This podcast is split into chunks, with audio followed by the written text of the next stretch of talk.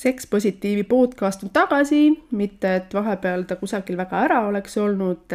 küll aga on vahepeal olnud väga palju selliseid tegemisi, mida siia podcast'i ka teemadena tuua, sellest millalgi ja veidikene ka hiljem, aga seks positiivil on oma pesa Kristina Pirk Vellemaal on oma pesa, ma ei tea, miks ma endast kolmandas isikus räägin, aga need rollid lähevad mul aeg-ajalt segamini. aparaaditehases on täitsa oma nõustamisruum, seks coaching'u ruum, kogemusnõustamisruum ja ka ruum, kust ma seda podcast'i praegu salvestan, nii et vup-vup ja teiseks olen ma alustanud ka kogemusnõustamise vastuvõtte Tallinnas Seksuaaltervise Kliinikus ja Seksuaaltervise Kliinikust on tänases osas episoodis külas äh, Marie Aabel. doktor Marie Aabel on naistearst, seksuaalmeditsiini arst ja ennast ta küll seksuaalterapeudiks ei tituleeri, küll aga on ta läbinud äh, seksuaalterapeudi väljaõppe Inglismaal ja sellest ta räägib ise veidi pikemalt Marie minu jaoks on ääretult kallis ja, ja tore ja oluline kolleeg ka sellepärast, et me jagame hästi palju väärtushinnanguid, sarnast huumorimeelt, äh, aga me oleme käinud ka üle endiste nii-öelda liiduvabariikide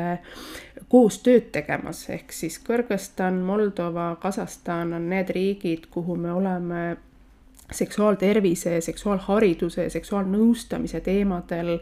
mitte sattunud, vaid kutsutud ähm, koolitama ja, ja jagama neid teadmisi, mida me oleme siin aastate ja aastakümnete jooksul kogunud, jagama neid kogemusi, mis Eestis äh, meil on olnud äh, seksuaalnõustamise või noorte nõustamise võrgustikku üles ehitades aga Marie ei ole sellega oma lehvimist lõpetanud üle maailma, vaid Marie on olnud ka piirideta arstina väga suure missioonitundega Eestist ära tööl. Ja, ja täiendamas ennast pidevalt siin-seal, mm, sest äh, kui inimesel on avatud meel ja uudishimu, siis tal on avatud meel ja uudishimu. tegelikult ma ei taha sellist hävitut äh, äh, persooni promo teha, aga samas miks mitte, ma arvan, et on väga hea teada, kes on need inimesed, kelle juurde julgelt võib pöörduda, ähm, kellel on nii, nii avatud pilk, väga laialdased teadmised kui ka suur süda. ja seda Mariel kindlasti on minu ähm, nii-öelda kvaliteedi garantii selle peale aga tere, Marie, mul on nii hea meel, et sa siin oled täna. tere, Kristina, mul on väga hea meel siin podcastis olla sinuga. kes sa oled ja kust sa tuled? Tulen Tallinnast, olen eelkõige, eelkõige jah, kui me räägime siin nüüd äh, ikkagi niisuguses natuke töises või, või erialases võtmes, siis nagu mainitud ja äh, erialalt naistearst, aga, aga hiljem olen juurde õppinud veel natukene üht ja teist. et, äh, et niisuguse äh, igapäevase naistearsti töö käigus äh, on, on saanud selgeks, et mitte kõiki probleeme ei ole võimalik äh, arstlikust vaatenurgast äh, lahendada. Ja, ja selle tõttu äh, olen, olen lisaks ka sertifitseeritud seksuaalmeditsiini arst äh,, jällegi küll arst, eks ju, aga, aga seksuaalsuse ja seksuaal probleemidele siis selle kaudu lähemale liikunud. Ja, ja nüüd siis ka äh, pisut ennast täiendanud seksuaalteraapia vallas, et kui sa ühel hetkel saad aru, et, et äh, puhtalt biomeditsiiniliselt ja, ja ravimitega äh, ei, ei, ei suuda kõiki, kõiki aidata, vaid et on ikkagi see äh, psühhosotsiaalne külg ka hästi oluline, kui me räägime seksuaalsusest ja seksuaalsusega seotud muredest, mis inimestel võivad olla. et siis olen, olen jah, oma erialal äh, liikunud siis äh, natukene, natukene sinna teraapia poole, ehkki, ehkki küll ka jah, tõepoolest naistearstina tegutsen ikkagi igapäevaselt ja see on senini ikkagi minu põhiline, põhiline tegevusvaldkond. Mm. -hmm sertifitseeritud, see on üks selline oluline märksõna, mida minu meelest ei panda väga sageli tähele erinevate abistaja või, või nõustaja rollide juures mis see sertifitseeritud siin ähm, seksuaalmeditsiini arsti rolli juures tähendab? Äh, see on jah tõsi, et, et Eesti on, eks ju, niisugune üsna uus, uus riik ja, ja siin paljud valdkonnad on küllaltki reguleerimata ja, ja nõnda ka, nõnda ka Äh, mitmed erialad, mis on siis seotud just äh, seksuaalnõustamise või seksuaalteraapiaga, tegelikult ju ka laiemalt üldse nõustamise ja teraapiaga kui sellisega, et, et Eestis küll on, eks ju, mitmed äh, konkreetselt äh, kirjeldatud arstlikud erialad ja noh, ütleme näiteks kliiniline psühholoog, et, et seal on väga selge, mis ja mis tingimused sa oled pidanud selleks äh, täitma, et ennast selle tiitliga ehtida. Aga, aga mis puudutab paljusid niisuguseid nõustamise ja teraapia valdkondi, sealhulgas siis seksuaalnõustamist ja seksuaalteraapiat, et siis Eestis tegelikult justkui igaüks võiks ennast nimetada seksuaalnõustajaks või seksuaalterapeudiks, sest et see on niisugune reguleerimata valdkond. Ja, ja see on ka, see on ka põhjus, et, et miks, miks võib juhtuda, et, et inimene, kes siis pöördub seksuaalnõustaja või seksuaalterapeudi poole, ta peab ise olema siis hästi niisugune selles mõttes uudishimulik, et, et aru saada, et millele tuginedes siis inimene abi, abistaja ennast, ennast nimetab seksuaalnõustajaks või seksuaalterapeudiks. ja, ja siis äh, sellisel puhul, kus see olukord on reguleerimata, et võib siis, võib siis tekkida ka olukord, kus see abistajate kvaliteet ja, ja ettevalmistus on hästi ebaühtlased. ja, ja minu puhul siis see, et ma olen sertifitseeritud seksuaalmeditsiini arst, see tähendab seda, et, et ma olen siis õppinud Eesti eh,, mitte Eesti, vaid siis Euroopa Seksuaalmeditsiini Ühingu eh, juures läbinud kursuse ja siis ühel niisugusel Ähm, sellesama organisatsiooni juures siis ühe hästi-hästi põhjaliku eksami sooritanud, äh, mida siis, mida siis, äh, mille järgselt ma siis saan väita, et tõepoolest seal hulk äh, seksuaalmeditsiini arste ja seksuaalterapeute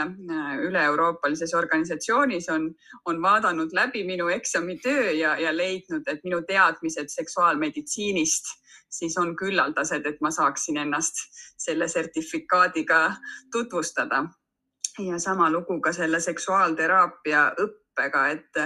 et seda, seda ma õppisin Inglismaal ühes niisuguses hästi toredas ja, ja progressiivses seksuaalteraapia koolis Äh, kus siis ka sain sellise sertifikaadi, mis näitab, eks ju, et vähe sellest, et, et ma olen ise kõvasti, kõvasti seal tuupinud ja, ja õppetööd teinud, et siis ka äh, vastava pädevusega inimesed on minu töid läbi lugenud, minu juttu kuulanud, minuga vestelnud ja, ja aru saanud, et et, et ma siis olen üht-teist sealt ka selgeks saanud ja meelde jätnud ja, ja ära õppinud, et mitte, mitte ma lihtsalt ise ei nimeta ennast seksuaalnõustajaks näiteks või seksuaalmeditsiini arstiks, vaid, vaid ka inimesed, kes on selles valdkonnas hästi kaua tegutsenud ja, ja teatud niisuguste omava, omavad niisugust pädevust, siis selliseid tunnistusi välja anda, on, on kinnitanud, et, et võib kuulata seda Mariet küll mm. -hmm ma ei tea, kuidas sinu enda mõtted on ja, ja kogemus on, ähm, mida ma ise näiteks sex coaching'u õppe juures hästi väärtustan, on see, kui palju pannakse rõhku abistaja eetikale ja sellele, kust lähevad meie piirid mis on see, mida sa coach'ina äh, teha saad ja mis on see, kust äh, nii-öelda sein ette tuleb ja kus sul peab olema võrgustik Ähm, nendest inimestest või koostööpartneritest, kellel on siis teistsugune pädevus ja kellele, mm, kelle juurde siis anda soovitusi äh, oma klientidele pöörduda, kui nad selleks valmis on. et see eetika pool ja, ja tööeetika, abistaja eetika pool, kuidas sa ise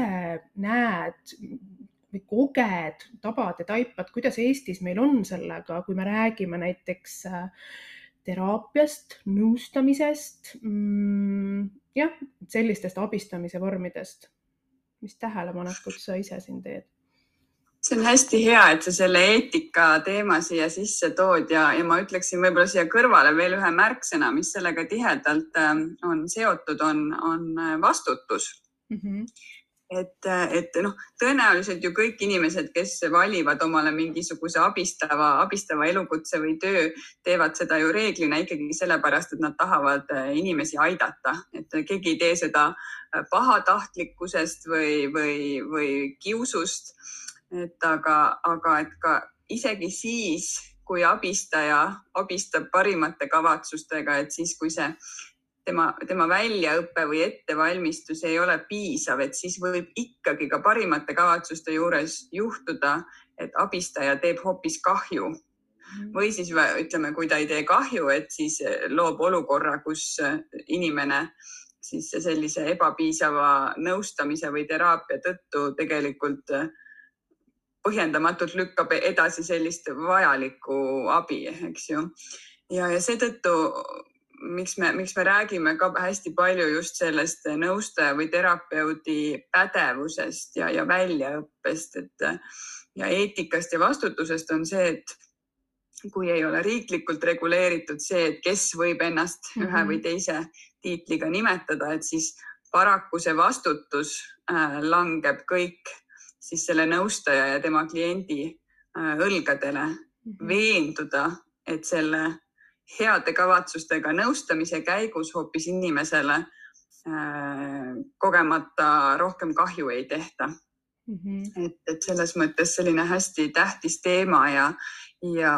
noh, ütleme, ongi näiteks, et äh,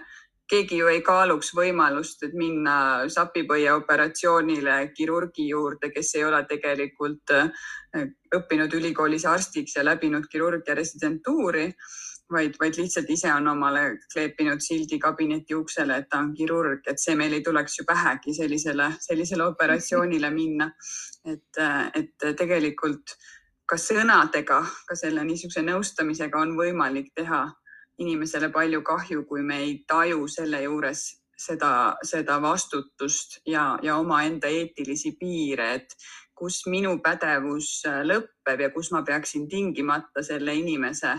suunama kellegi pädeva kolleegi juurde, kes sellest teemast rohkem teab mm. -hmm see on, noh, need on nii väärtuslikud mõtted ja samas need, need inimese nii-öelda intrapersonaalsed või sellised isiklikud omadused ja, ja ka see, kuhu sa ennast paigutad või taandad, mida ma mäletan sellest ajast, kui me käisime sinuga Kõrgõzstanis koolitamas ja mida ma väga imetlesin on see jälle see sõna, millele ei ole eestikeelselt head vastet, see humbleness. Äh, ühest küljest tagasihoidlikkus, teisest küljest ei ole päris alandlikkus, aga see, see noh, meelelaad, et me küll läheme siit viima teadmisi kusagile, kus on palutud meid, et me neid teadmisi viiksime ja oskusi viiksime, aga me ei lähe seda viima selliselt äh, nii-öelda kõrgemalt tasandilt või, või kuidagi hierarhiliselt ülevalt alla neid ütlema. Ja ma mäletan seda olukorda, mis minu meelest sinul ja Jaanal, Jaana on ka meie kolleeg Seksuaaltervise Liidust, äh, mis sinul ja Jaanal tekkis, kas seal oli vist niimoodi, et Äh, me oleme, me olime ette valmistanud rasestumisvastaste meetodite sellise põhjaliku või siis teie olite ette valmistanud põhjaliku koolituse ja selgus, et seal päris mitmete soovitustega ei olegi äh, mingites äh, regioonides väga palju ette võtta või peale hakata. ja ma mäletan vähemalt selle, seda teie peegeldusest, miks ma ütlen, ma mäletan, ma mäletan, see oli aasta kaks tuhat viisteist, päris ammu aega tagasi. et siis te nagu kuidagi lennult äh, võtsite natukene teise kursi ja oligi see positsioon, et me siis tegeleme sellega, mis meil olemas on ja soovitame seda, mida, mida on, on soovitada võimalik. noh, mille peale me Eestis, noh, mida me tegelikult Eestis ju ei soovita, ei kasuta, sest meil on rasestamisvastaste vahendite valik päris suur, väga suur. et see minu meelest räägib ka äh, tegelikult sinu enda sellisest ähm, meelelaadist ja eetikast ka laiemalt, eks ole, üks asi on see terapeudi ja, ja naistearsti eetika ja teine asi selline ähm, abistaja või toetaja eetika üldiselt, et milliselt positsioonilt ma lähenen, millega ma töötada saan ja mida ma siin soovitada saan, et mul ei ole tõepoolest mõtet äh, Kõrgõzstanis äh, kus ei ole, eks ju, kus on suured vahemaad, inimesed elavad väga erinevates regioonides, erinevates paikades ja on regioonid, kus võib-olla ongi kättesaadav heal, heal juhul kondoom või siis ma ei tea, saadki soovitada kalendermeetodit, mida me siin ju ei tee, eks ju. et ja samas öelda, et ei, ei, kuulge, olge nüüd, et emakasisene, emakasisene vahend või noh, hormoonspiraal, kui me räägime nagu lihtsamalt. Et mida sa soovitad sellest, kui ta seal ei ole kättesaadav, aga see selleks, et noh, ma arvan, et see on väga kõnekas. Ka mindset'i või, või sellise meelelaadi või meelesätte mõttes jah, ja selles mõttes ju teatud mõttes see paralleeli saab sellesse nõustamise töösse väga hästi tuua, et sinagi kindlasti oled seda näinud ju vahetult ja, ja konkreetselt, et inimesed ongi äärmiselt erinevate ressurssidega, kui me ei räägi ainult rahalisest ressursist, eks ju, et kellel üldse on võimalik nõustamises käia rahalistel põhjustel yes. või mitte. aga et see, kui palju on inimesel aega või, või jaksu mm -hmm. ühte või teist äh, soovitust katsetada, et see ju võib olla ka diametraalselt erinev erinev, et mm., et mul ei ole mõtet siin rääkida mingisugusest äh, udupeenest, äh, ma ei tea, harjutusest või, või äpist, kui inimesel tegelikult äh, reaalses elus ei ole võimalik seda kasutada. Mhm. just. aga mis need teemad on, millega sinu poole ähm, kõige sagedamini pöördutakse, kus sa saad ühendada selle terapeudi rolli või terapeudi teadmised ja naistearsti teadmised? Tõenäoliselt jah, see minu naistearsti taust on, on tinginud selle, et ikkagi väga suur osa minu klientidest või patsientidest, ma kuidagi olen jah harjunud ikkagi inimesi, kes minu poole pöörduvad, nimetama patsientideks lihtsalt selle, ilmselt selle, et kui oled ju nii, juba nii mitu aastat arstina töötanud mm, -hmm. et see on kuidagi sisse harjunud, aga, aga et suur osa nendest on siiski äh, naised ennast naisena identifitseerivad siis äh, inimesed, et äh, ja, ja sealt ikkagi kõige-kõige sagedasemad probleemid äh, on, äh, millega minu juurde satutakse, mitte, mitte ainukesed, aga kõige sagedasemad on siis esiteks seotud seksuaalihaga ja, ja ka erinevad niisugused seksiga seotud valusündroomid ehk et kui seks on, on valulik ühel või teisel põhjusel et need on ikkagi olnud äh, minu sellises seksuaalnõustamise praktikas kõige-kõige sagedasemad mured. noh, eks naistearsti juurde tullakse ju kõikvõimalike erinevate probleemidega, aga, aga ilmselt ei ole väga nii-öelda arstitöö keskseks siin selles, selles programmis mõtet jääda mm. -hmm. ja samas äh, iha ja valulik vahekord on omavahel ikka väga noh, selges ja tihedas seoses, et kui palju äh, okei okay,, et lähme siis siia, siia teraapia poolele siis. kui palju sinu teraap-, terapeudi või noh, sa küll ise ütlesid, et sa pigem niimoodi ennast äh, otseselt ei identifitseeri. ma siin ise maalin laia pintsliga. kui palju seda teraapia kompetentsi või teraapia mm, pädevust ähm, sa nendes olukordades ja, ja mismoodi siis kasutada saad? Äh, jah, jah, et nagu me siin e-, enne programmi alustamist äh, äh, rääkisime, et jah, seksuaalterapeudiks ma ennast küll ei söanda nimetada, et selleks, selleks peaks ikka hea mitu aastat kauem veel õppima, ma arvan, et, et pigem siis jah, olen, olen seksuaalnõustaja, kes teab hästi palju seksuaalsusest ja natukene vähem teraapiast. Mhm. aga, aga jah, et ähm, ma väidaks, et kui asi puudutab seksuaaliha või, või näiteks äh, äh, seksiga seotud valu, et siis see niisugune psühhosotsiaalne osa on märgatavalt suurem kui niisugune arstlik või siis selline puhtalt biomeditsiiniline osa mm. -hmm. ma ei ütle, et see on nii kõikide äh,, kõikidel puhkudel, aga, aga vähemasti, vähemasti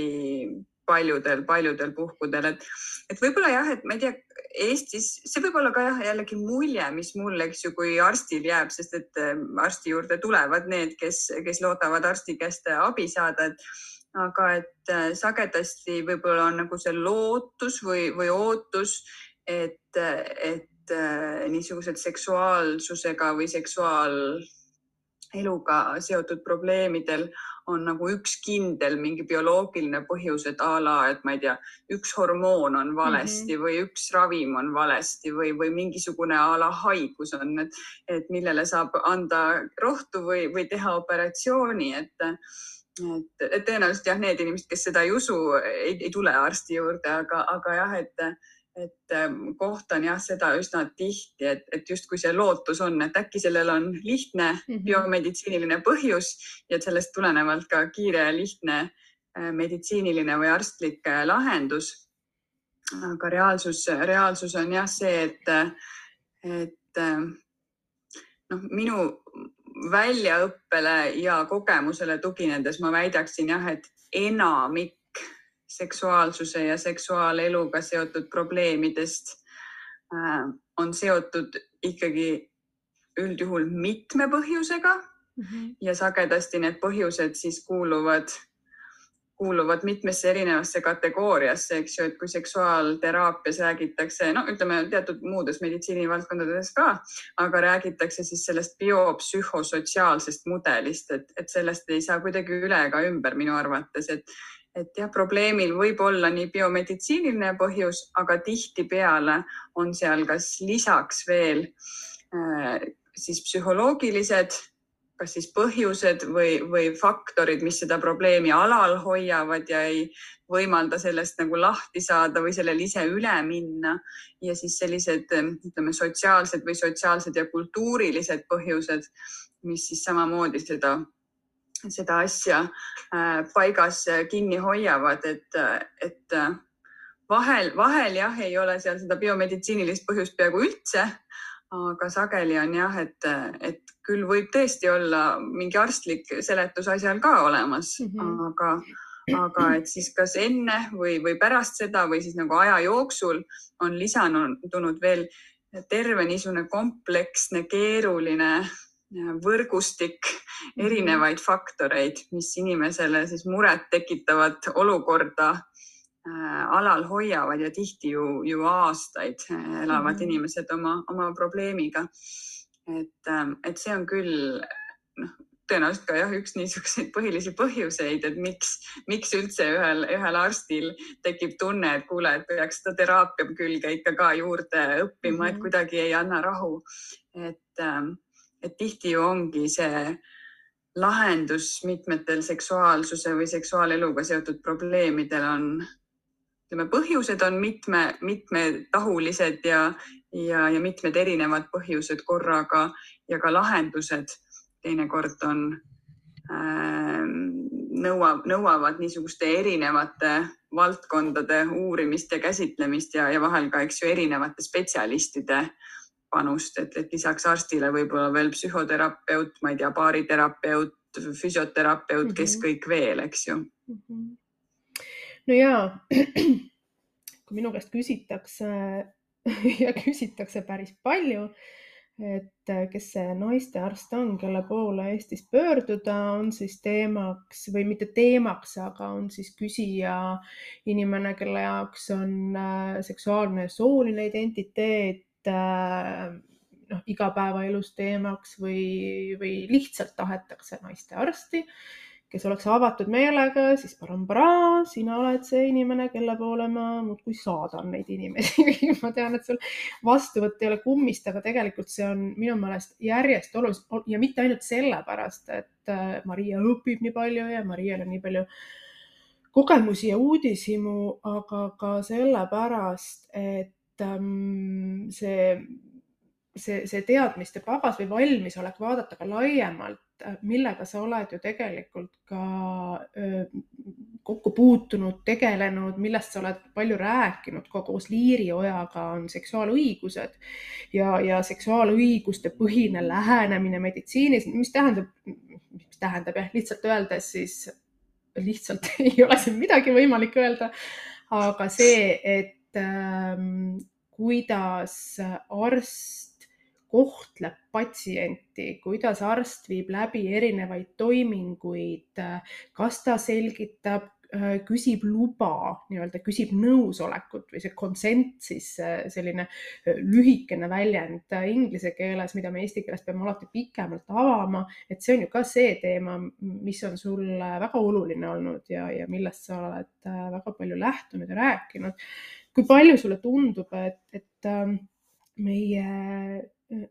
inimesed, siis patsiendid või kliendid, ükskõik kumbast nurgast nad sinu poole pöörduvad, üldse on teadlikud või, või et nende hoiakutest kumab välja seda, et, et nende seksuaalõigused on nende jaoks teadlik ja, ja oluline aspekt ja et nad oskavad seda tähele panna ka siis, kui nad tulevad sinu kui arsti juurde oh, see on väga hea küsimus, see on, ma arvan, täiesti seinast seina, et on, on inimesi, kes äh, on seksuaalõigustest ja, ja, ja nõusolekust või consent'ist äh, vägagi teadlikud, kellega meil võib-olla mingis võtmes tuleb sellest isegi juttu seal selle niimoodi põgusalt vastuvõtu käigus. Aga, aga siiski kohtab ju ka sellist olukorda, kus minu patsiendid äh, noh, näiteks väljendavad seda, et nad, nad ei taju endal olevat üldse mingisugust kontrolli oma keha üle selles mõttes just, et, et neil, nad, neil, neil ei ole olnud alati õigust otsustada, et kas või kellega seksida näiteks mm -hmm. või, mhm. või kes, kes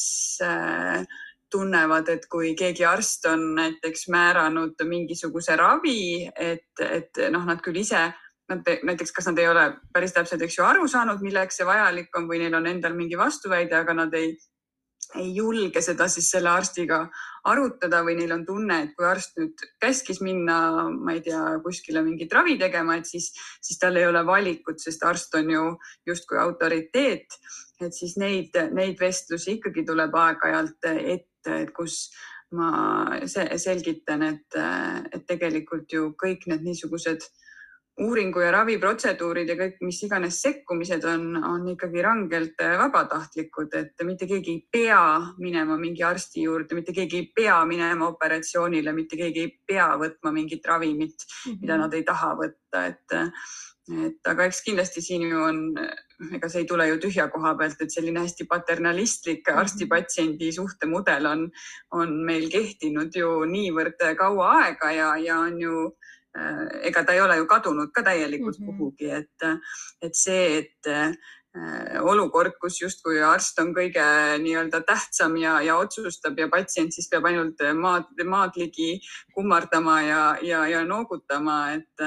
et, et jah, see on olnud ju see reaalsus ja, ja võib-olla siin-seal on, on seda tänini Mm -hmm. et aga, aga neid vestlusi arstikabinetis, nii arstikabinetis kui siis ka selles nõustamise ruumis ikka aeg-ajalt äh, ette tuleb, tõepoolest jah mm. -hmm. samas äh, mulle endale tundub, et see teadlikkus, kohati ma olen muidugi mullis, sest väga-väga äh, suur osa minu mullist ongi sellise feministliku maailmavaatega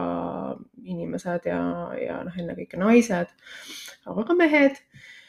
aga mitte ainult, samas mulle lihtsalt tundub, et see teadlikkus kasvab järjest enam ja ka teadlikkus äh, seksuaalõigustest ja üldse inimõigustest, mis puudutab arstiabi, sest ega muidu ei räägitaks ka sünnitusabi vägivallast näiteks, äh, noh, mille, mille nii-öelda vastus on samas mhm. jälle äh, arstkonna poolt küll mitte üheselt, et seal on ka ju lahknemist, aga reaktsioon sellele on minu meelest väga-väga kõnekas olnud, et kui, kui ongi arstide poolt see vastus, et et me teamegi sellel hetkel paremini ja inimesed ei oskagi hinnata ja ei oskagi arvestada või et nad ei oska sellele tollel hetkel hinnangut anda, et see on hästi kõnekas minu meelest. ja samas on hästi positiivne, kui selles olukorras üldse midagi positiivset on, see, et ka neid meedikuid, olgu nad siis äh, arstid või ämmaemandad on, kes, kes seda tõelise probleemina näevad ja, ja tunnistavadki, et sünnitusabi vägivald ongi täiesti asiasi, eks ju. kui mulle tehakse sünnitusel mingeid protseduure, milleks ei küsita kas luba või mind alandatakse või ka pärast sünnitust või on see siis imetamisega alustamine, noh, mis iganes, et, tegelikult kõige suurem asi või kõige kõige, ma ei saa öelda kõige suurem, siin on keeruline neid asju kuidagi niimoodi võrdsetesse pottidesse jagada või, või suurem, väiksem, aga on see nii-öelda pisendamine või tühistamine, et ah, come on, nagu mis asja ja, ja, ja te ei tea nagunii ju, kuidas need asjad käivad ja arstid teavad, et, et see on, see on noh, tegelikult see on äh, probleem, päris probleem. jah, vägagi, et, et et selles mõttes äh, mul on hea meel, et sellest teemast ka rohkem räägitakse, sest ma arvan, ma ei ole päris sada protsenti kindel, aga see oli vist aasta siis võis olla kaks tuhat kuusteist, seitseteist, kui meie Liiri Ojaga esimest korda sellest teemast kirjutasime mm, -hmm. et noh, võin öelda, et et oli kahjuks kolleegide seas ka neid, kes väga pahaks panid, et kuidas me nüüd siis niisugusest teemast kirjutame ja kuidas nüüd ometigi siis üks arst ja üks jurist kujutavad endale ette, et, et mõni naine teab paremini, mis nende kehal eh, tarvis on eh, kui, kui arst, et aga loomulikult oli ka väga positiivset tagasisidet kolleegidelt, kes ütlesid, et jah, ammu oleks pidanud sellest juba, juba rääkima, et, et jah, ja noh, et kui me räägime sünnitusabi vägivallast, et, et siis ongi see, see, et noh, et seal on need ekstreemjuhud, eks ju, kus näiteks ongi äh, noh, äärmiselt vägivaldselt käitutud ja, ja, või, või tehtud vastu tahtmist mingisuguseid operatsioone või, või noh, mis iganes, et need on need ekstreemjuhud ja, ja see võib jätta mulje, et oi, et noh, see on nii äärmuslik asi, et niisugust asja küll ei juhtu, aga et seal on, eks ju, osa sellest niisugusest äh, vägivalla spektrist on ikkagi juba ju ka niisugused mikroagressioonid, noh näiteks stiilis, et, et, et kui, kui naistearst ütleb äh, naisele, kes seal, ma ei tea, mingi protseduuri käigus nutma hakkab, et noh, siis sa küll ei nutnud, kui see mees sul seal umbes, et noh, selline nagu tänitamine ja hurjutamine ja, ja, ja nagu solvamine ja, ja inimväärikuse alandamine niisugustel noh, kui saab nii-öelda mikroskoopilistel tasanditel, et, et see on ju noh, kahjuks üsnagi, ma kardan, sage, et ta on olnud mingil perioodil väga sage. Väga,, väga-väga loodan, et, et täna juba samas, kui sa nagu ütled selle, selle, selle lause, ma olen küll seda varem kuulnud sinu suust, aga ikkagi iga kord see tuleb jälle nagu sellise lash'ina tagasi, et siis sa küll ei nutnud, et noh, come on, minu, minu ema räägib, eks ole, sellest, et, et tema mäletab, mitte et talle oleks seda öeldud, aga et tema mäletab, et et sellised kogemused olid sellel ajal, kui tema sünnitas ja see oli nelikümmend aastat ja peale tagasi. et ohohohoo ja see on hästi tänuväärne, et te selle teemaga tegelete. ma küll ei tea, kuidas sa jõuad ja, ja kust see energia kõik tuleb, aga ilmselt, ilmselt see ongi suur osa sinust, see missioonitöö ja, ja teavitustöö ja harimise töö. ma tahaks sinna iha teema juurde tulla äh, tagasi korraks. meeleldi muidugi meeleldi, mis meeleldi, see keeleldi um, kui sagedased need um,, no okei okay,, ma ei taha mingeid protsente teada um,, aga kui sa mõtled nüüd oma nagu iganädalastele vastuvõttudele, haiglasse enam valveid ei tee, eks ju? praegu mitte jah. okei okay,, hea seegi. muidu Marie, ma lihtsalt siin kuulajatele ütlen, mulle tundub, et Mariel oligi vahepeal nelikümmend kaheksa tundi ööpäevas et ma ei tea. ja mitte ainult nelikümmend kaheksa tundi ööpäevas, vaid ka teleporteerumise oskus, sellepärast et Hiiumaalt Rakverre ja ma ei tea, kuhu minna. No mis iganes ühesõnaga praegu sa valveid ei tee ja, ja tegeled peamiselt, äh, sa võtad seksuaaltervise kliinikus Tallinnas vastu oma kliente ja patsiente, eks ju. just mm. -hmm. ja kui sageli see, see, see mure või teema või see küsimus, et äh, ma ei tunne iha või äh, noh, Annikaga me kõige esimeses, Annika Tammega me kõige esimeses saates rääkisime ka tegelikult ihast väga pikalt ja, ja ka nii-öelda libidost ja, ja sellest, mida Äh, nende mõistete taha üldse saab panna ja mida ei saa nende mõistete taha panna ja, ja et väga-väga sageli ongi teema selles, et neid asju oleks vaja ümber mõtestada, aga pikk jutt äh, ei vii mitte kuhugi. kui sageli sa nende iha teemadega ja iha küsimustega nädalas kokku puutud? Ei oska sulle jah ka mingit protsenti või ajaühikut öelda, aga, aga see on ikka ütleme seksuaalnõustaja jaoks niisugune üks põhi, põhilisi, ütleme kindlasti sellises top, top kolmes pöördumise põhjuste osas. Ja et eks ta ikkagi naistearsti vastuvõtul tuleb ka teemaks. Et noh, ma mõtlen seda, et ma, ma väidaksin, et iha või seksuaaliha üldse on üks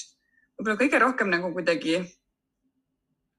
ei tahaks öelda nagu vääriti mõistetud, et aga, aga et see on üks selline teema, mille kohta on käibel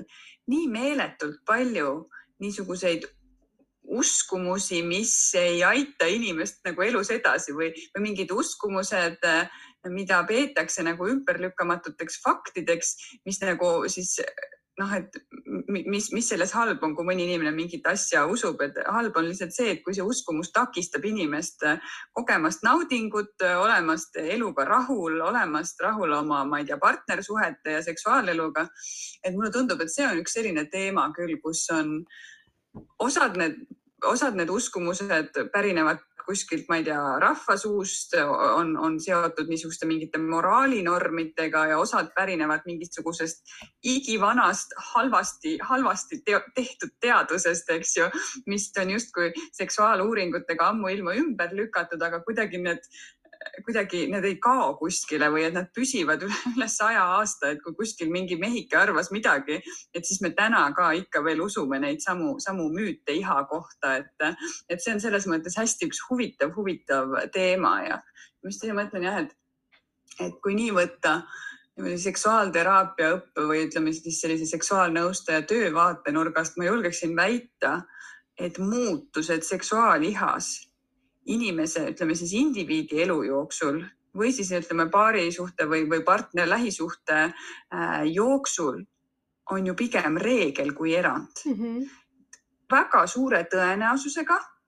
inimese seksuaaliha tema elu jooksul jõuab mitu korda muutuda erinevas suunas ja samuti võib see iha olla näiteks oma partneri või partnerite suhtes muutuda väga-väga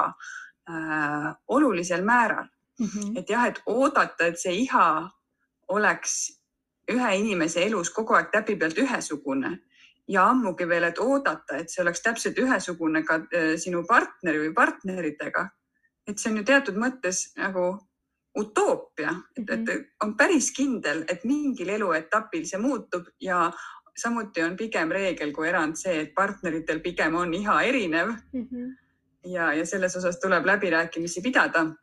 aga kuidagi jah, et, et on nagu see ootus, et see justkui peaks püsima alati kuskil mingil nii-öelda jutumärkides optimaalsel mhm. tasemel mm -hmm. pidevalt läbi aastate ja, ja sedamööda, kuidas paarisuhe äh, areneb või partnersuhe mm. -hmm ja, ja jälle nagu me ka Annikaga, me ei jõudnud sellest küll pikalt rääkida, küll Annika jõuab ka veel otsapidi siia saatesse tagasi Äh, mõned teised teemad on juba soolas, aga et kuidas me üldse defineerime seksi, noh, see ei ole mingisugune Ameerika avastamine. tegelikult ma tahaks öelda ma ei tea, mingi muu maailma avastamine, sest minu noh, coaching'u õpe ju toimub Ameerikas ja ta on väga äh, USA kultuuri ma ütleks ruumidee, ega seal ei ole ka mingi ühtne mhm. mullistus või ruum, aga kui me oleme sinuga ka ja jälle infoks, et me siin Mariaga aeg-ajalt viskame chati selliseid pikki diskussioone või lihtsalt hüüatusi. aga kui ma vaatan seda, mis on olnud nagu sinu ja, ja Annika, te olete ju samas organisatsioonis äh, seksuaalteraapiat õppinud, eks ju, et see mm -hmm. lähenemine ütleme nii, et need kultuurilised erinevused ikkagi on silmapaistvad ja, ja kui nagu rääkida mitmekesisusest, siis äh, ka seal coaching'u õppes on nagu meeletult palju mitmekesisust ja, ja, ja kohati ongi selline, selline, selline tunne, et, et see nagu kuidagi võtab kõik üle, aga samas see on loogiline, et see võtab kõik üle, sellepärast et mitmekesisus ongi ju seksuaalsuse, nii palju kui meid on siin maamuna peal, nii palju on ka mitmekesisust, me oleme kõik täiesti erinevad um,. aga see selline defineerimine ja mis on seks ja, ja, ja millest me üldse räägime, et USA-s tundub, et see on, see on nagu täiesti kusagilt äh, paisu tagant valla pääsnud. mitte ma ei ütle seda, et äh, Inglismaa õpe äh, tuhat äh, kraadi, ma ei tea, kuidagi progressiivsem on, et meil on ka see õpe väga progressiivne, aga kuidagi selle progressiivsuse juures on sellist äh,, kuidas ma siis ütlen ma ei taha vasikad on toredad ja vaimustus on tore, aga sellist nagu vasikavaimustust natukene, äh, mis, mis, mis on täiesti arusaadav jällegi, sest kui me räägime kultuuriruumist, mis on väga palju äh, kristlikust äh,, religioonist üldse noh, religioonist ehk siis kristlusest mõjutatud, seal on stigmasid, seal on tabusid, seal on traumasid. Religioonitrauma on iseenesest juba nähtus, millest me siin Eestis väga palju ei tea ja väga palju ei jaga. Äh, vähemalt mitte nende põlvkondade jooksul, kus meie, eks ole, elame ja kellega meie kokku puutume. aga ka see seksi mõtestamine, et mis see seks on, et see on ka selline, selline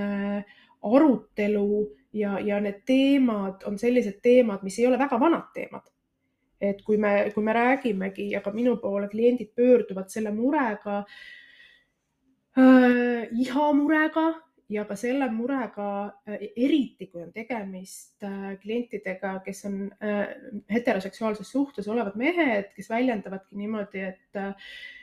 et või kelle mure on see, et ma kardan, et mu partner ei saa rahuldust. ja kui me hakkame siis rääkima, ähm, mis selle hirmu taga on või millest ta ei saa rahuldust, siis see läbiv arusaam seksist on penetratiivne seks ehk siis seks on see, kui peenis on enamasti siis tupes, eks ole. et ja, ja ka ihaga seoses räägitakse mega palju penetratiivsest seksist ehk siis sellest, sellisest normatiivsest seksist, et peenis on kusagile sisestatud ja ma ei tea, kuidas, kuidas nagu sulle see peegeldub või resoneerub, et kui me räägime ihast ja räägime iha teemadest ja iha muutustest, et kas siinjuures on ka see seksi mõtestamine üks selline avastamise koht või sihuke ahaa koht, et okei okay,, see võib ka seks olla. ei, ei, ei ole tõesti niimoodi mõelnud ma arvan, et selles iha teemas see mõtestamine on, ma ei tea, kaheksakümmend protsenti sellest protsessist vist mulle tundub, et, et üks asi, eks ju see, et missuguseid tegevusi me üldse peame seksiks? Täpselt, mhm. eks ju, et paljude inimeste jaoks tõenäoliselt ikka üks sihuke õige seks on ikka see, et peenis on tupp, et kivikõva peenis on tupes ja, ja pumpab seal üks tund aega jotti ja siis väga märjas tuppes, iseenesest väga märjas tuppes, aga mis on ka samal ajal hästi tihke ja siis, et mõlemad pärast tunni ajast pumpamist, siis mõlemad saavad samaaegselt mingisuguse äh, sellise täiesti taevastesse kõrgustesse viiva orgasmi eks ju, et noh, mis on eh, ju reaalses elus eh, tore, kui see juhtub, aga absoluutselt tegelikult äärmiselt harva esinev nähtus ja kaugeltki mitte hädavajalik selleks, et, et tunda naudingut, kogeda lähedust, mis, mis iganes, on ju. et, et kindlasti jah, see, et liikuda sellest niisugusest heteronormatiivsest või sellisest penetratsioonikesksest ehk et kus siis alati peab midagi kuhugi sisse toppima, et mis siis enamasti võiks olla äh,, arvatakse, et võiks olla peenis tupes on ju, et liikuda sealt palju niisugusemale laiemale äh, nagu käsitlusele, et et äh, noh, seal on ju uuringuid ka olnud, et küsitletud, et äh, mingisuguseid inimeste rühmi, et, et kas peenistupes seks on sinu arvates seks, kas oraalseks on mm -hmm. seks ja noh, seal ütleme, kui peenistupes seksi puhul ikka kõik peavad seda seksiks, siis näiteks oraalseksi või anaalseksi või, või näiteks käega stimule, suguelundite stimuleerimist sugugi alati ei, ei pea paljud inimesed äh, seksiks. et jah, et kui kui, kui see seks, kui see, mis tegevusi seksi, seksiks klassifitseeritakse, on hästi kitsalt ja kindlalt raamistatud, et siis see võtab ära hästi palju nagu võimalusi äh, kogeda, kogeda siis midagi meeldivat, et, et, et see jah, et mis tegevused äh, seksi alla kuuluvad või võiksid kuuluda, et see on ju äh,, see on tegelikult jah, päris, päris tähtis osa selle iha teema käsitlusest, et et jah, et mõnikord võib ju inimesel jääda mulje, et noh, et tema tahtis sellist nagu penetratiivset vahekorda, et aga partneril parasjagu ei olnud energiat muuks, kui näiteks äh, pakkuda lihtsalt oraalseksi, et siis kui sul on tunne, et see on ainult selline mingisugune, pole päris seks, et siis sul jääb tunne, et sa oled väheke nagu petta saanud, et said mingi pooliku seksi või veerandseksi mhm. heal juhul, eks ju, kuigi, kuigi tegelikult oli õudselt mõnus, onju. et, et jah, et kui me laiendame seda, et mis tegevusi me seksi alla arvame, siis, siis jääb see nagu ilmajäetuse tunne, tunne ka kohe tükk maad väiksemaks, tähendab, võib jääda. ja noh, ärme isegi hakka sisenema, ärme sisene isegi teemasse, et mida seks kellegi jaoks tähendab, eks mm -hmm. ju. Mhm. et kui me jätame need puhtalt tegevused kui sellised kõrvale, et siis äh, mulle tundub, et võib-olla vahel jääb, jääb mulje, et äh, võib-olla, et kui inimene mõtleb selle peale, et miks tema seksida tahab, et siis on kerge tekkima see eeldus, et näiteks minu partner või partnerid või et ma ei tea, mingid kolmandad isikud seksivad ka samadel põhjustel mm. -hmm. et kui, kui, kui samas on ju seksimiseks inimestel, ma ei tea, mitusada erinevat mm -hmm. põhjust, seda on jah isegi uuritud, eks ju mm, -hmm. need üsna tuntud, tuntud uuringud, kus on küsitud inimestel, palutud loetleda kõiki põhjuseid mm, -hmm. miks nad seksivad, et seal, seal on tõesti nagu minu meelest oli üle kahesaja erineva põhjuse mm, -hmm. et noh, alustades siis sellest, et sa soovid tunda naudingut, tunda partneriga lähedust, ma ei tea maandada stressi, jääda rasedaks, mis iganes, noh, lõputu, lõputu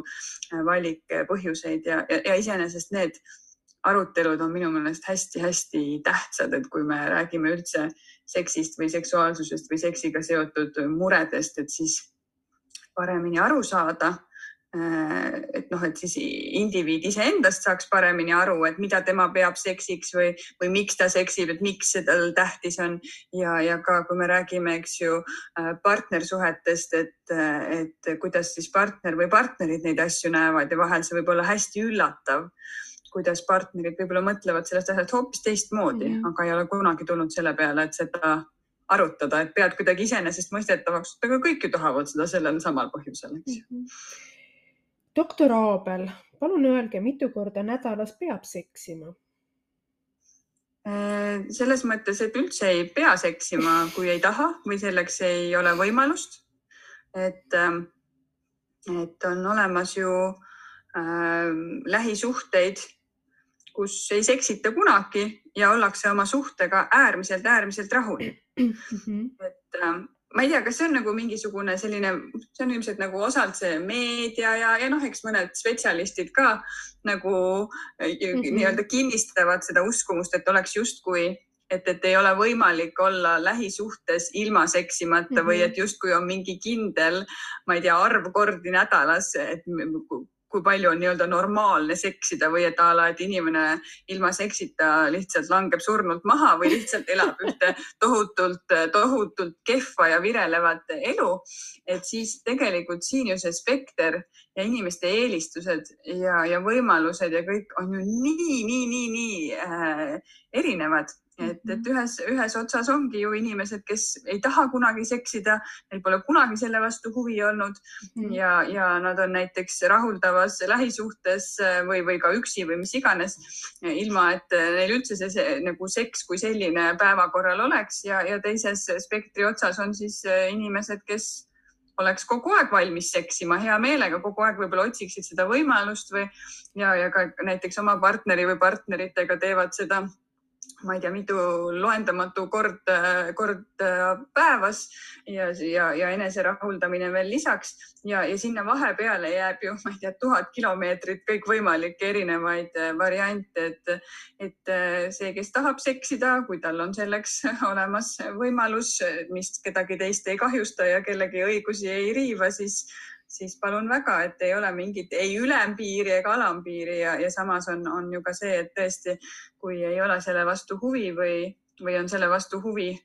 noh, ütleme selles mõttes jutumärkides harva, eks ju, et see harva on ka nii, nii subjektiivne mm -hmm. mõiste, eks ju, et mis kellegi jaoks on harva. et siis see on ka täitsa okei okay., et see ju ikkagi on suuresti, suuresti ka läbirääkimiste küsimus mm. -hmm ja, ja sa rääkisid nendest seksisõltlastest siin praegu. See on ka jällegi üks selline sisearutelu teema, millest me Mariaga muudkui kirjutame omavahel ja Maria on isegi käinud ka sellel teemal rääkimas televisioonis. Ja see nii-öelda, ma teen siin jutumärke, seda ei ole küll podcast'is näha, aga kuna meil oli ka just üks äh, coaching'u õpperaamat, üks seminar, päris mitu seminari seksi ühesõnaga seksuaalkäitumisest või siis erinevatest terminitest, mida kasutatud on ja mida kasutatakse. Ja, ja on terve koolkond inimesi, kes järjest enam liigub selle poole, et me ei räägi äh, seksi sõltuvusest me võime küll kasutada erinevaid väljendeid, äh, kompulsiivne seksuaalkäitumine. USA-s on äh, koolkond, kes ka hüperseksuaalsusest räägib, aga see on ka selline, mm, ühesõnaga need terminid on sellised väga tundlikud terminid ja samas see termin seksisõltuvus on miski, mis sul sae käima tõmbab. miks? Just tahtsin küsida, et küll nüüd leidis punase rätiku, mida minu ees lehvitada. et, et see on jah, selles mõttes üks niisugune kirgi küttev teema, millest noh, Eestis on suhteliselt vähe räägitud, et siin võib-olla ta eriti ei köida, köida paljusid või, või, või tekib ka küsimus, et mis tast rääkida, et aga viimasel ajal on meedias sellest rohkem juttu olnud. ütleme, et seksuaalteraapia valdkonnas, kui me räägime siis maailma mastaabis, mitte Eesti mõistes, on, on üsna tulised vaidlused olnud jah, juba aastaid aastaid, et on olemas terapeute ja teadlasi ja, ja muid, muid asjad, asjapulki, kes räägivadki seksisõltuvusest või pornosõltuvusest mina, mina seda raamistikku või seda nii-öelda käsitlusviisi ei toeta, et, et on siis teine seltskond, kes, kes räägivad siis kompulsiivsest seksuaalkäitumisest või seksuaalsest sundkäitumisest. Et, et võib-olla tundub jah, et natukene nagu selline liigne tähenärimine või et noh, et mis vahet seal siis on. Et aga, aga jah, et äh, väga pikalt ma siia jah, ei hakkagi sukelduma, sest ma võiksin sellest ilmselt tunde rääkida ja, ja, ja loodetavasti meil õnnestub Annika Tammega varsti üks väike artiklike ka sellel teemal eesti keeles avaldada, aga, aga põhimõtteliselt siis jah, et kui me räägime inimesest, kelle äh, kellele tundub, et tema seksuaalkäitumine on väljunud tema kontrolli alt, et äh, kas see siis tundub liiga sage tema, tema arvates või, või kellegi lähedase arvates või et, või ta tegeleb või et ta tunneb väga sellist pidurdamatut huvi mingite tegevuste vastu, mis tema arvates justkui ei ole noh, nii-öelda vastuvõetavad. Või, või, või see seksuaalkäitumine, näiteks siis porno tarbimine või, või seks partneri või partneritega hõlmab kogu inimese aja ja tähelepanu, nii et see hakkab juba mõjutama teisi eluvaldkondi, kas siis suhteid või, või toimetulekut igapäevategevustes, et, et siis, siis selge on see, et niisugune inimene võib, võib vajada seksuaalnõustaja või seksuaalterapeudi abi. et aga miks me ei taha rääkida sõltuvusest, on, seal on nagu paar niisugust hästi olulist põhjust, et, et miks ei ole see seksisõltuvus või pornosõltuvus kõige paremad terminid, see on sellepärast, et esiteks niisugusel biokeemilisel ja ütleme sellisel keha ja närvisüsteemi tasandil need nähtused on erinevad et, et suur, suur huvi tegeleda seksuaalsete tegevustega eh, ei, ei ole, ei toimu kehas päris samamoodi nagu sõltuvus näiteks mingisugusest eh, narkootikumist, et, mhm. et see, mis tegelikult sellel, seal taustal ajus ja kehas toimub, on erinevad, eks ju, et, et meil ei ole mõtet siin seda mõistet ega segadust tekitada, kui need asjad on olemuslikult siiski, siiski erinevad. sellest tulenevalt, et kuna need asjad on oma olemuselt erinevad, et siis ka see käsitlemine või kuidas selle nii-öelda murega toime tulla, on erinev, et, et noh, mingid sekkumised, mis või, või, või ütleme, ravi või teraapia, mis näiteks äh, alkoholisõltuvuse või narkootikumide sõltuvuse puhul võib olla sobilik, ei pruugi üldse olla sobilik ja võib mõnel juhul isegi olla kahjulik, kui seda rakendada üks-ühele äh, seksuaalse sundkäitumise või äh, peal ja, ja noh, kolmas põhjus, mis on natuke seotud selle teema, ütleme võib-olla niisuguse ajalooga, on, on see, et, et noh, Eestis tõepoolest seda ajalugu väga ei ole, eks ju, et meil ei ole pikka ajalugu, kus me oleme hästi palju rääkinud seksisõltuvusest, aga et ütleme mujal maailma riikides, siis eelkõige just näiteks, näiteks Ameerika Ühendriikides, et need eksperdid ja, ja kõneisikud, kes on seksisõltuvusest rääkinud, et need on tihti see niisugune jutulõng on läbi, hästi tihedasti läbi põimunud sellisest mitteteaduslikust, mitte mhm. tõenduspõhisest, mitte ütleme niisugusest äh, päris, ütleme siis tõestatult kasulikust äh, psühhoteraapia või seksuaalteraapia äh, niisugusest ütleme siis argumentidest, vaid et seal on ka hästi tihedasti olnud mängus sellised moraliseerivad, halvustavad, häbistavad, kohati ütleme religioossete organisatsioonide agendaga seotud mm, -hmm. seotud teemad, et kus siis, eks ju ähm, noh, et kui kui inimese abistamine tema probleemi korral ei sõltu enam sellest, mis on nagu tõestatud kasulikul, kasulik, vaid sellest, et keegi kuskil, ma ei tea, naabrinaine arvas, et, et mingi asi on ikka tema arvates liiga rõve või liiga lubamatu või liiga vähe või liiga palju. et siis see asi ei ole enam ikkagi noh, ütleme sellest inimese parimast, parimatest huvidest lähtuv, vaid juba mingite kolmandate isikute sellisest isiklikust mingist moraalikompassist mm -hmm., noh, millel ei pruugi olla sellise reaalsusega väga palju pistmist, et mm, -hmm. et jah, see seksuaal, ütleme seksisõltuvuse ja pornosõltuvuse käsitlus, ütleme selline raamistik või et see, see pahatihti võib kas inimesele mitte abiks olla, võib kogunisti suurendada häbi ja sellist äh, isoleeritust ja, ja eraldatust, et see on see põhjus, miks, miks äh, mina ja siin mõned, mõned asjapulgad veel ja mõned väga-väga nagu suured eksperdid maailmas äh, eelistavad seda seksuaalse sundkäitumise või see kompulsiivse seksuaalkäitumise noh inglise keeles siis compulsive sexual behavior, kui keegi tahab guugeldada, eks ju, et eesti keeles sellest materjali ei ole mm. -hmm. et aga on, on jah, selline, mis, mis ei, mis rohkem tugineb niisugusel tõenduspõhisusel mm. -hmm ja ma arvan, et selle USA sissetoomine on selles mõttes ka hästi adekvaatne, et äh, et see seksisõltuvuse kontseptsioon kui selline. Ja ma ütleks isegi, et et see religioossete organisatsioonide surve siin ongi väga suures osas selle pildi taga, sest jälle, kui ma siia coaching'u õppe juurde tagasi tulen, siis ma enne ka mainisin sellist asja nagu religioonitraumad ja äh, eelmises podcast'i salvestuses meil oli just vahetult olnud selline asi nagu SAR ehk siis ähm, jah, kui nüüd uuesti siis lahti seletada, siis põhimõtteliselt on ta äh, seksuaalnõustajate, terapeutide, coach'ide, seksuaalkoolitajatele USA-s vältimatu mm. -hmm. kas äh, UK-s on seesama süsteem ilmselt. meil, meil tahad... on, ei olnud see sellises formaadis jah. okei okay, ja et kui sa tahad oma sertifikaati saada, siis saada, siis ühesõnaga sa pead äh, läbi tegema, ta on küll erinevates vormides, meil oli ta kahepäevane oma seksuaalsete väärtushinnangute nii-öelda siis reassessment või hindamine, ümberhindamine ehm, ja, ja seal oli ikkagi see religiooni taust Äh, religioonitraumade teema, porno ähm, stigmad seoses pornograafiaga ja seksisõltuvuse teema hästi suuresti keskmes, mida lammutada, laiali lammutada. ja jälle noh, nagu me oleme ka omavahel rääkinud, et minu jaoks on see nii silmi avav, kui suure äh, sellise pitseri või märgi jätab ähm, seksuaalne häbistamine ja mitte ainult häbistamine selles mõttes, et häbi-häbi, vaid miski, millest me jällegi ei räägi, et meie siin oleme kogenud seda omamoodi, isemoodi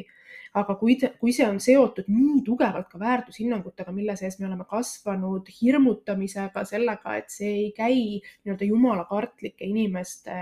eluga kaasas või et sa pead mingist asjast lahti ütlema, siis see jätab nagu meeletult sügava jälje. ja kuna ka need, need lähenemised ja need teadustööd on väga suuresti ka USA põhised, et siis ei ole ka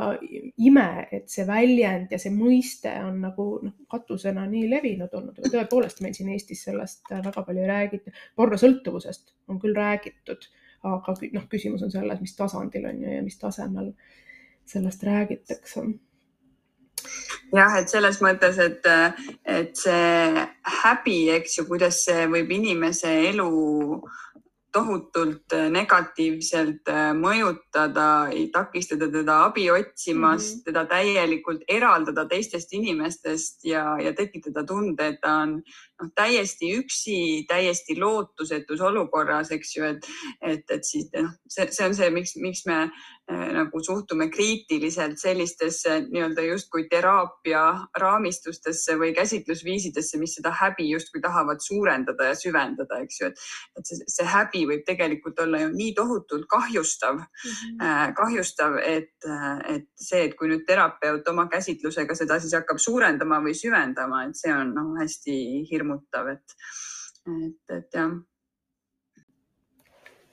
aga kui nüüd see seksisõltuvuse teema kuidagi kokku võtta mm, ma ei ütle kolme sõnaga või kolme lausega, sest kui saak käib, siis on sedapidi seda keeruline teha, aga, aga mm, mis sa ütleksid, mis see, mis see nagu selline ma ei taha öelda, et kergem, kandvam sõnum, aga selline kokkuvõtlik sõnum siin sinu poolt võiks olla. Ese que se kas ta nüüd jah, just kokku võtab, aga üks võib-olla oluline mõte, mida ma kindlasti veel tahaksin välja tuua, et kui me räägime sellest, et miks me ei taha kõnelda seksisõltuvusest või pornosõltuvusest, vaid, vaid just vastupidi, et me tahame, eelistame seda kompulsiivse seksuaalkäitumise mõistet, et äh, ongi just see, et nagu ma mainisin enne, et, et see niisugune kontrolli alt väljununa näiv seksuaalkäitumine, et ta ei ole olemuslikult äh, sõltuvus ja, ja seal käsitluses on hästi oluline ka see, et noh, kui me räägime mingi narko narko, näiteks narkootilise aine sõltuvusest, et, et see on, seal on mõistlik äh, sihtida seal ravis või käsitluses täielikku vältimist või täielikku nii-öelda abstinentsi või karskust, eks ju, et, et noh, fentanüül ka väikeses koguses või aeg-ajalt tarvitades, eks ju, on, on inimesele äh, kahjulik, äh, sest et noh, erinevatel põhjustel, et siis näiteks seksi seksuaalsete tegevuste või, või porno tarbimise puhul, seni kuni me ei räägi, eks ju, illegaalsetest tegevustest, et pole mitte mingit mõjuvat põhjust, miks me peaksime oma ravikäsitlusega Äh, sihtima seda, et inimene täielikult lõpetab igasugused seksuaalsed tegevused, et inimene täielikult lõpetab porno tarbimise. et esiteks noh, et see sageli ei ole üldse võimalikki seda olukorda saavutada ja teiseks ei ole ka absoluutselt vajalik mm. -hmm. et kuigi paljud inimesed arvavad, et porno on olemuslikult kahjulik, siis väga paljud teadusuuringud on seda korduvalt ja korduvalt kinnistanud mm, -hmm. kinnitanud, et porno ei ole kahjulik mm. -hmm. see ei tähenda, et kõik peavad seda vaatama, aga see mm -hmm. ei ole kahjulik. ja, ja samuti ka, ka seks ju võib olla ja paljudele ongi väga tähtis ja meeldiv ja nauditav osa elust või, või lähisuhtest et, et, et miks me peaksime oma, oma selle nii-öelda teraapia või, või nõustamisega üldse üritama saavutada sarnast olukorda nagu näiteks mõne, mõne sõltuvuse puhul, et tegelikult äh, pole absoluutselt äh, mõistlik ega vajalik eesmärk äh, näiteks porno vaatamist täielikult ära lõpetada või, mhm. või seksuaalseid tegevusi täielikult ära lõpetada, et, et nendes ei ole iseenesest midagi halba, kui inimene mhm. Neid naudib, need on, eks ju, Äh, osapoolte nõusolekul legaalsed tegevused ja et, ja inimene, eks ju, ei pea enam muretsema, et, et, et see on tal kontrolli alt äh, väljunud, et see on nagu üks hästi oluline eristus, et, et see kompulsiivse seksuaalkäitumise käsitlus on kindlasti sekspositiivne erinevalt sellest, sellest äh, sõltuvuse raamistikust mm. -hmm. ja üldse vaata see mida ma nagu enda nõustamiste juures, noh, see ei ole jälle mingi üllatus ega heureka, tähele panen või kogen ja, ja, ja see on tegelikult läbiv ka erinevas teoreetilises materjalis on see, kui, kui oluline, kui määrav, kui toetav on sekspositiivne seksuaalharidus ja seda juba väikesest peale, ka seksuaalkasvatus, seksuaalharidus, et, et me ei tegele millegi allasurumisega, häbistamisega. me lähtume sellele või läheneme sellele ja lähtume ka sellest, et see on eakohane igal eal, igas vanuses omad teemad, aga et kui me keskendume sellele, et me eitame,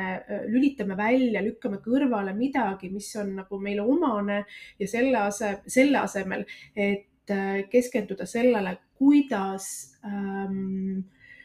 ma ei tea, ühte või teist teha äh, eetiliselt, äh, konsensuslikult. ühesõnaga, et, et pigem on siin see välistamise, eitamise pool kui see, et toetada sellist äh, positiivset lähenemist ja elutervet lähenemist. et need on kuidagi nagu nii äh, vastandlikud, isegi mitte vastandlikud olukorrad, aga sa saad ise nagu aru, et et see on niivõrd absurdne, kuidas arvatakse, et siis, siis mingi, siis äh, mingisugune ratas kuidagi nagu jääb seisma või, või et siis me saame mingisuguseid asju takistada, kui me nendest teemadest ei räägi, et ja, ja millest ka kui näiteks täiskasvanutega rääkida jälle on ju, kui ma, kui ma koolitust või töötuba või ma ei tea, mingit seminari teen, siis ma ju ka vaatan, kellega ma räägin, mis teemadel ma räägin. lastega ja teismelistega pornost rääkides on tõepoolest üks lähenemine, aga kui me seda teeme täiskasvanutega, siis äh, ei ole mitte ühtegi põhjust, miks ei võiks ja ei peaks siia keskmesse tooma selle, et pornograafia ja eetika, et need on need olulised kokkupuutepunktid. see, kuidas tarbida pornot eetiliselt ja ma ei pea silmas eetiliselt ehk siis moraalselt, vaid sellest, vaid pean silmas seda, et inimesed on teadlikud sellest, kuidas pornograafia on toodetud, milline pornograafia on see, mida me tarbime ja samas, et, et ka pornograafiat toodetakse eetiliselt, eks ju. et selle asemel, et kõike eitada, pisendada, maha tõmmata Äh, tuleb fookus seada sellele, kuidas see oleks nii-öelda positiivne, toetav ja terve ja, ja, ja tõepoolest selline konsensuslik ja ka seks positiivne oh,. nii väga-väga-väga nõus, et, et ikkagi niisugune sekspositiivne ja selline tõesti laiapõhjaline seksuaalharidus ju tegelikult noh, üks asi on sellest, üks asi on see, et see kõik on palju toredam mm, -hmm. aga teine asi ikkagi ka see, et see on tegelikult see, mis aitab luua turvalisust mm, -hmm. aitab luua olukorra, kus inimene saab tegelikult teha oma tervise ja heaolu seisukohast paremaid valikuid. no just aga me läheneme siin nüüd lõpule nende teemadega, ehkki rääkida oleks äh, pikemalt ja palju rohkem, nagu ikka. Mm, hüppame siia iha teemasse jälle tagasi ikka ja jälle. ja kui me räägime ihast, siis üks väga sageli ähm, kohatav küsimus, vähemalt minu, minu enda puhul, mida ma ka nõustamistel olen tähele pannud, aga mitte ainult, see on ka selline laialt levinud hoiak on see, et ähm, kui mu tupp, kui ma räägin nüüd naistest, eks ole, ja sellest probleemist, et mis on ihaga seotud, et miks äh, mu tupp ei ole piisavalt märg või miks ma ei märgu ja sellele paraku minu meelest annavad päris suurt sellist äh, tagantkäelööki sellised lähenemised, et siis ongi naine erutunud, kui ta tupp on märg ja kui naisel tupp ei ole märg, siis ta ei ole piisavalt erutunud ja kui naine ei ole piisavalt erutunud, nii edasi ja nii edasi, et see on selline kinnine ring ja tegelikult on see ka üks väga-väga oluline teema, mis oleks ka partnerite vahel. Kõigepealt tõepoolest, et ma ise naisena saan aru, millest me räägime või mis teema sellega on, et ma saaksin siis ka oma partneriga seda rääkida või et partner saaks ka olla teadlikum sellest näiteks, et kui mu tupp ei ole või ei märgu, siis ma ei tea, piisavalt kiiresti, piisavalt palju, piisavalt mingit moodi, see ei tähenda seda, et mul ei ole iha või et, et ma ei ole erutunud, et siin on ka väga palju erinevusi. Ja, ja mulle tundub, et selline libestite äh, pelgus, libesti kasutamise pelgus, mida on palju olnud ja mul on hea meel, et libestitest järjest rohkem räägitakse ka Eestis, ka läbi erinevate sekspoodide, läbi erinevate,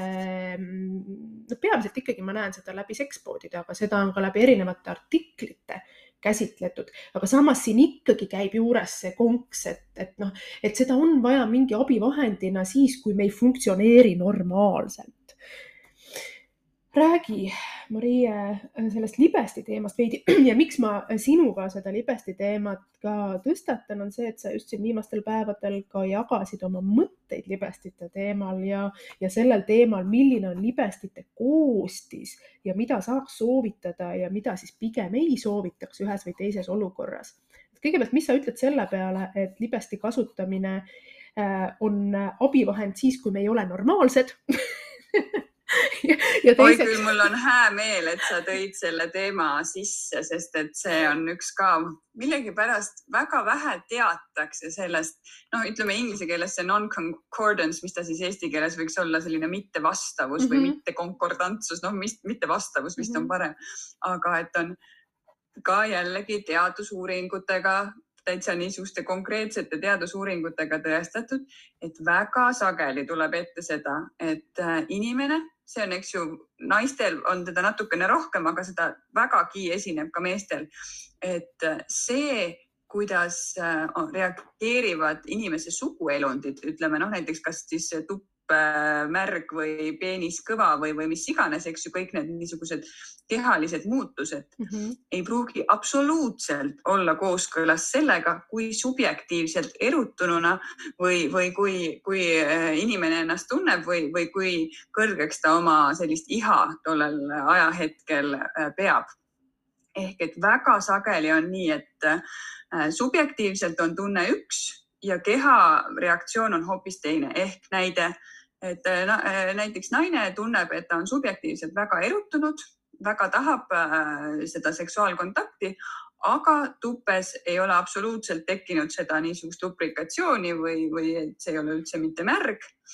või siis näiteks vastupidi, et tupp on küll väga-väga märg, aga subjektiivselt ei ole mitte mingit erutust, et ei taha üldse seda seksuaalset olukorda või kontakti. noh, meeste näitel võib siis tuua, ma arvan, et paljudel meestel on olnud seda situatsiooni, kus neil tekib küll erektsioon, mida võib-olla isegi on noh, näha, aga see ei ole üldse kindlasti see olukord, kus neil tegelikult oleks seksuaalne erutus või iha või et see oleks mingi situatsioon, kus nad nüüd kohe on valmis seksima, et kaugeltki mm -hmm. mitte. ja ka vastupidi, eks ju, et oled väga õhines ja, ja erutunud, aga ometigi erektsiooni ei teki. et see on hästi oluline asi, millest, millest rääkida, et tihtipeale see subjektiivne erutuse või iha tunne ei klapi absoluutselt kokku sellega, mida teeb keha, et südames ja, ja peas toimub üks ja, ja keha eh, elab hoopis oma elu. et selles mõttes see on ka põhjus, miks on hästi tähtis eh, öelda partnerile, kuidas tunne on ja ka uskuda partnerit, et vahel on, seda ka tuleb ette, et, et partner küll ütleb, et ja, ja ma väga naudin seda, aga ma ei usu teda, sest et ta tupp ei ole märg mm, -hmm. eks ju, et ikkagi inimese juttu tasub rohkem uskuda. ja, ja libestid, ma olen väga suur libestite teema fänn mina väidan, et libestit võiksid kasutada kõik alati ja ükskõik, kas partnerseksi või sooloseksi ehk siis eneserahuldamise, masturbeerimise puhul, et see võib nii palju äh, asju väga palju toredamaks teha, et, et see kindlasti ei pea olema mingi asi, millest me mõtleme, et noh, et noh, kui mul on mingi viga külges, et siis ma seal natuke plätserdan sellega. et, et absoluutselt see võiks olla nagu äh, iga, iga seksuaalse situatsiooni juures ära, ära kuluda et äh, ja, ja see, et kui, kui justkui keha ei reageeri nii, nagu mul see subjektiivne tundmus ütleb või ta ei reageeri nii kiiresti, kui ma tahaks, et see ei ole absoluutselt ebanormaalne, haiguslik. et loomulikult on jah ka mingid seisundid, kus noh, mis võivad olla taustal, et noh, näiteks mõned ravimid takistavad seda niisugust füüsilist seksuaalset reaktsiooni, näiteks naiste puhul menopaus või näiteks sünnitusjärgne periood, periood ja rinnaga toitmine, et seoses selle östrogeeni taseme langusega võivad äh, oluliselt seda märjaks minemist pärssida. aga et, et võivad olla ka täiesti normaalses,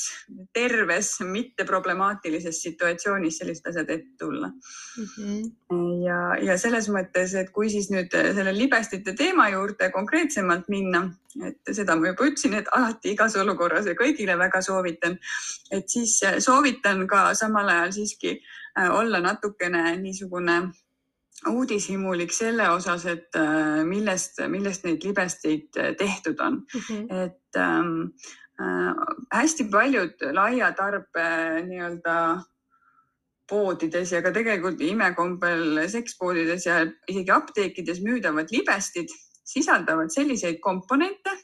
mis võivad tekitada äh, Äh, sellist ülitundlikkust äh, reaktsiooni paljudel inimestel, mispärast neid libesteid, mis ongi ju mõeldud äärmiselt tundliku nahapiirkonda, et miks neid tehakse selliste komponentidega, mis selliseid hädasid võivad inimestel põhjustada, sellest ma aru ei saa ja ma ei tea. osalt ilmselt, et äh, mõned nendest komponentidest on odavad mm. -hmm aga, aga et tasub kindlasti uurida jah, nende libestite koostist et, et kui näiteks on halb kogemus olnud libestiga, et, et selle peale tekkis mingi nahaärritus või tuupepõletik või, või selline tunne, et see teeb veel kuivemakski, et siis tõenäoliselt võis asi olla selles, et see valitud libesti koostis oli mitte võib-olla kõige parem mm. -hmm. et mina isegi seksuaalteraapia õppeajal, et siis, kui oli vaja hästi pikki neid kodutöid kirjutada, et siis, et, et õppur ikka üritab oma kodutööde tegemisest kõrvale hiilida, et siis ma tegin väga põhjaliku, põhjaliku nii-öelda uurimistöö. okei okay,, ma mõtlesin, kuhu see jutt nüüd läheb, aga uurimistöö veebipoodides, mitte isiklikult enda peal, aga veebipoodides lappasin läbi kõikvõimalike libestite koostiste nimekirjad ja selekteerisin välja ühe kimbu Äh, kus siis on tõesti ainult niisugused koostisosad, mis ei peaks tekitama ärritust või, või mingisugust probleemi. Ja ütleme sadade-sadade erinevate libestite hulgas selliseid hea koostisega libesteid oli tegelikult väga vähe aga, aga jah, et, et siis kindlasti peaks vaatama,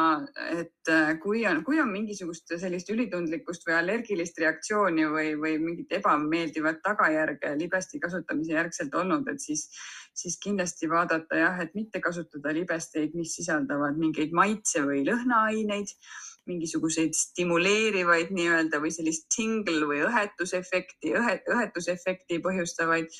aineid, noh, igasugused eeterlikud õlid võivad olla ärritavad, samamoodi glütseriinid, glükoolid, mis on peaaegu kõikides müügil olevates libestites sees, et neid tasub äh, vältida, et, et nad võivad tõesti anda, anda halva reaktsiooni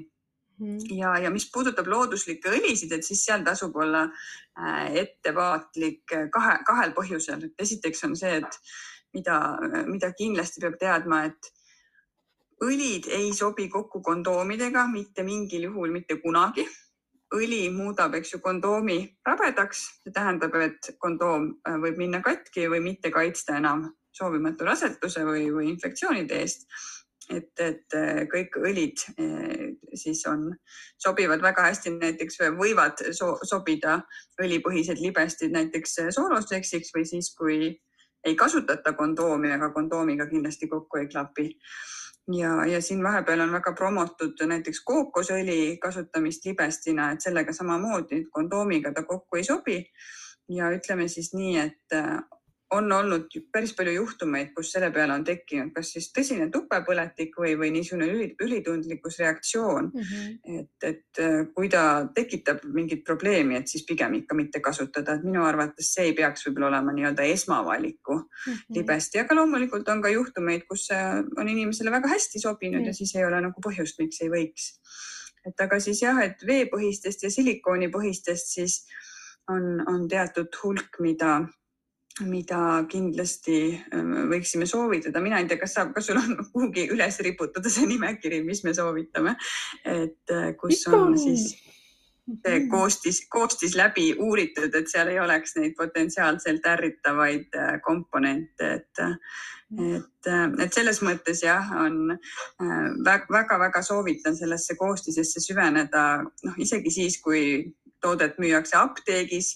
ka näiteks mõned nii-öelda ökod või orgaanilised libestid sisaldavad neid samu nimetatud ärritavaid aineid, et, et see, kui mhm. miski on öko või orgaaniline, ei anna ka veel kahjuks garantiid, et, et aga, aga ma usun, et kõigile peaks leiduma midagi, midagi sobilikku ja meelepärast. Mhm, just ja selle glütseriiniga on, on ka see, et või noh, kui küsitakse ja sageli on ka küsitud, mis teema sellega on, et kui on äh, tupeseenele nagu kalduvus või kui nagu tupeseened korduvad mm, -hmm. mina ise olen seda näiteks kogenud, et äh, glütseriiniga libestid äh, kutsuvad selle puhangu jälle esile. alguses ma ei saanud mm -hmm. aru, mis värk on, aga mida enam sa nagu jälgid ja mida teadlikum sa oled, ise õpid mm -hmm. ka, siis sa ju märkad neid neid seoseid ka, nii et ja ma riputan selle üles siiasamasse podcast'i alla, kui ma ta äh, ülesse, kui ma podcast'i üles riputan, siis podcast'i alla riputan ma ka sinu libestitarkuse ja panen... väga tore, see mulle teeb väga suurt rõõmu, et libestid massidesse. just ja panen selle ka Instasse, ma arvan, et sealt on seda hästi kätte saada. aga Marie, me oleme rääkinud peaaegu et tund ja kakskümmend minutit, mis on, mis on väga vägev ja mis ei ole ka imestada, sest vahepeal on mul päris pikk paus olnud, aga ma arvan, et sellest ei ole midagi, sest Äh, mida näitab äh, podcast'i statistika, on see, et inimesed tulevad ikka ja jälle nende osade juurde tagasi, ehk siis kuulavadki niimoodi ähm, tükati. ja, ja ma arvan, et pigem rääkida põhjalikult ja, ja rääkida need asjad lahti, nii palju, kui meil neid teemasid siin täna on ja anda võimalus siis ise valida, millal ja kui palju ja kui pikalt neid kuulata, kui et mingisugused asjad jäävad õhku. ehkki õhku jäävad nad moel või teisel niikuinii, sest siin on nii palju, millega edasi minna. mul on hästi hea meel, et, et sa minuga ja ka minu podcast'i kuulajatega äh, täna rääkimas olid mm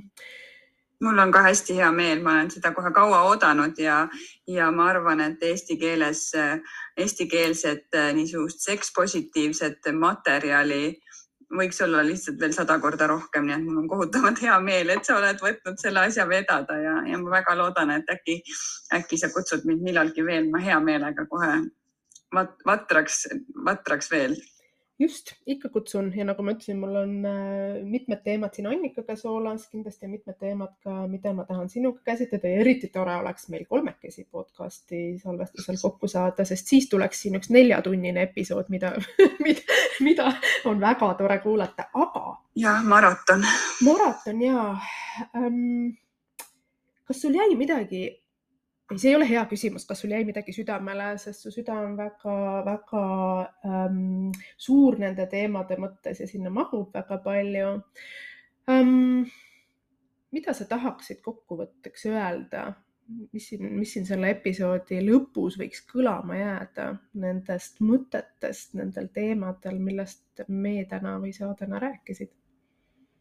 Ma ei tea, et see võib-olla ei olegi otseselt nende teemadega seotud, aga lihtsalt, et, et mis mul praegu turgatas, et ma lihtsalt tahaksin võib-olla julgustada inimesi, et kellel on mingi mure seksuaalsuse või, või seksuaaleluga olnud, et, et, et julgustaksin jah, abi otsima, kas siis seks coach'ilt või seksuaalnõustajalt või seksuaalterapeudilt, et, et nendest teemadest rääkimine võib olla küll, eks ju, raske, eriti kui, kui see mure on näiteks pikka aega olnud, aga, aga jah, et julgustaksin abi otsima just selles mõttes, et, et paljus, paljudel puhkudel on võimalik, võimalik väga palju aidata. et, et ise võib, ise võib kergesti sattuda olukorda, kus see olukord paistab nagu väljapääsmatu või, või et sa oled mm -hmm. kuidagi sinna nurka omadega jõudnud ja, ja ei tea enam, kuidas sealt, kuidas sealt edasi minna, et, et, et selle koha pealt äh, üks niisugune sekspositiivne äh, abiline võib, äh, ma usun, väga palju, väga palju abiks ja, ja kasuks tulla. just.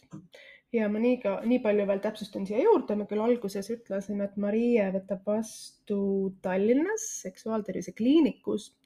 see on Mardi tänav kolm, et palun võtke siis kõik sinna ukse taha järjekorda niimoodi, äh, et Liivalaia tänavani välja võib see järjekord suisa olla. ma loodan jah, et see ei kõlanud liigse enesereklaamina, vaid pigem sellise üleüldise üleskutsena äh, abi, abi küsida. just, sest see on, see on tõesti meeletult oluline ja, ja juba see, see esimene liigutus või esimene samm, et ma seda abi äh, otsin, ükskõik millise äh, või mitu sammu seda abi vaja on, vahel vahel ongi see, et see on lihtsalt normaliseerimine, kinnitamine, et see, mida sa koged, see, mida sa tunned, see, mida sa, mida sa, mille pärast sa muretsed, on täiesti okei okay, kogeda, tunda ja muretseda. Ja, ja sealt siis edasi saab vaadata, kas ongi terapeutilist abi vaja, on siin mingi biomeditsiiniline abi või, või ongi seksuaalharidus see, mis, mis toeks on. aitäh veel kord, Marie ja järgmiste kohtumisteni